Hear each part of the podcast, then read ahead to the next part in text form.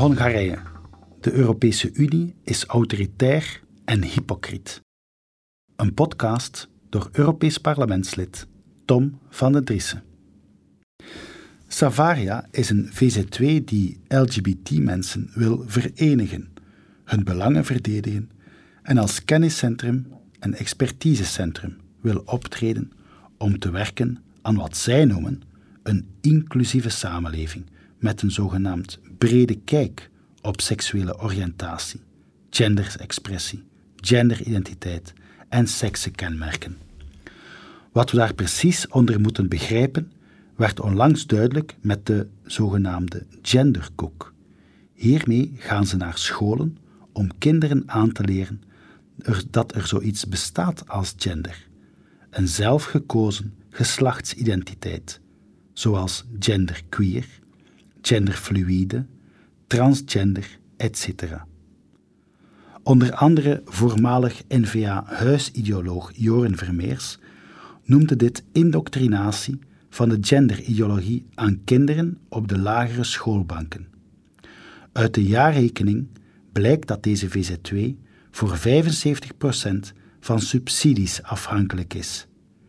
De Vlaamse regering van Jan Jan Bon subsidieert deze genderpropaganda met 1 miljoen euro per jaar. In Hongarije heeft men een andere kijk op de zaken.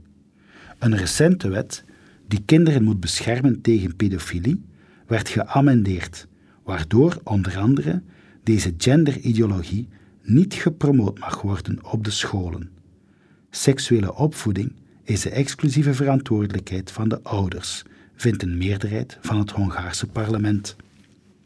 Zoals het vaak in een democratie gebeurt, is de oppositie het oneens met het regeringsbeleid en zijn er groepen die op straat demonstreren.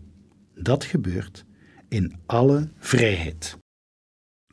Meer zelfs, in Budapest vinden opnieuw in alle vrijheid maar liefst een ganse maand LGBT-festiviteiten plaats. Mensen met een andere geaardheid hebben precies dezelfde rechten als andere burgers, onderstreepte premier Viktor Orbán. De reactie in het Westen was er een van onbegrip, afwijzen en misprijzen. De voetbalbusiness, gekend om zijn hoge morele standaarden, tooide zich collectief in regenboogkleuren. Terloops, in Qatar, waar volgend jaar het WK plaatsvindt, staat de doodstraf op homoseksualiteit. Wat als Europese leiders omschreven wordt, viel over elkaar heen om Hongarije de les te spellen. De Nederlandse premier Rutte vond dat als de wet niet ingetrokken werd, Hongarije zelfs uit de Europese Unie moest gezet worden. De Belgische premier De Croo noemde Hongarije ronduit achterlijk en eiste dat dit land financieel gestraft moet worden. De Europese Commissie kondigde van zijn kant juridische stappen aan om de Hongaarse wet te verhinderen. De eurofanatieke elites hebben het zowaar over een schending van de Europese waarden. Niemand weet precies wat die zijn. In de Europese verdragen zijn enkel heel rekbare begrippen opgenomen als menselijke waardigheid, vrijheid, rechtvaardigheid en de onvermijdelijke mensenrechten. Die hebben door absurde politieke invulling en juridisch activisme van het Europees Hof voor de Rechten van de Mens echter elke betekenis en morele legitimiteit verloren. Onlangs besliste het Europees Parlement zelfs dat abortus zowaar een mensenrecht is.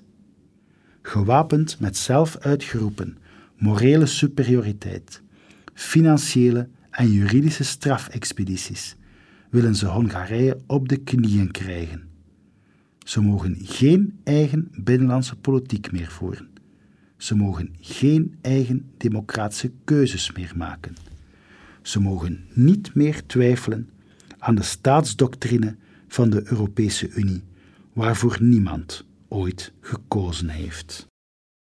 Men kan het natuurlijk eens of oneens zijn met het Hongaars beleid. Net zoals zij dat met het omgekeerde daarvan in Vlaanderen eens of oneens kunnen zijn. Dat beslissen wij, net zoals de Hongaren, vooral zelf binnen de eigen democratie beslissen. Andere landen moeten hen niet de les spellen.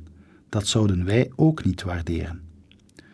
De Hongaren hebben dit bovendien al eens meegemaakt. Daarom verzetten ze zich zo koppig. Ze hebben hun vrijheid immers niet zomaar gekregen, maar met bloed betaald. In 1956 sloegen Russische tanks de opstand in Budapest bloedig neer. Ze wilden geen socialisme, maar vrijheid. Dat onderdrukten de bureaucraten in het Politbureau. De EU wordt steeds meer een EU-SSR.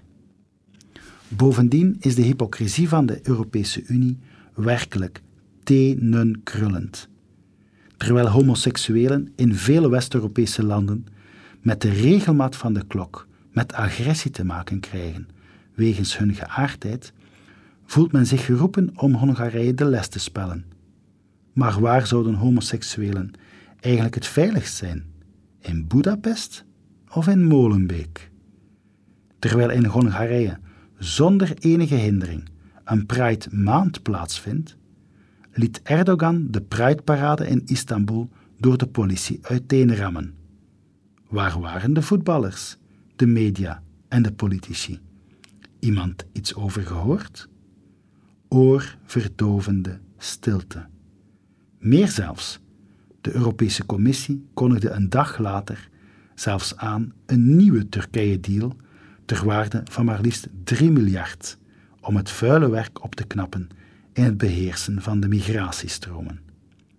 Ondanks de constante chantage met vluchtelingenstromen, de agressie tegen Griekenland, het ronduit homofoob staatsgeweld, wordt het regime van Erdogan beloond met extra miljarden. Van morele verhevenheid gesproken. Ooit was de Europese integratie een positief samenwerkingsproject waarbij men naar eenheid in diversiteit streefde. Een belangrijk principe daarbij was de subsidiariteit. Dat betekent dat beleid zoveel mogelijk op het beleidsniveau zo dicht mogelijk bij de burger moet plaatsvinden. Een ander essentieel principe was de soevereiniteit. Dat betekent dat elk land zijn eigen democratische keuzes kan maken. De combinatie tussen beide is het nobel streven naar samenwerking tussen vrije staten op basis van overleg en wederzijds begrip. Na twee wereldoorlogen wisten we immers wat die andere weg, de weg van het imperialisme, betekende. Daarbij leggen grote staten hun wil op aan anderen, met alle gevolgen van dien. Wie deze les van de geschiedenis negeert, moet de consequentie van het imperialisme van de eurofanatieke elite aanvaarden en doet ons opnieuw naar de loopgraven marcheren. Deze keer onder de totalitaire vlag van de genderideologie, het Black Lives Matter racisme en de klimaathysterie. Willen we werkelijk die weg op?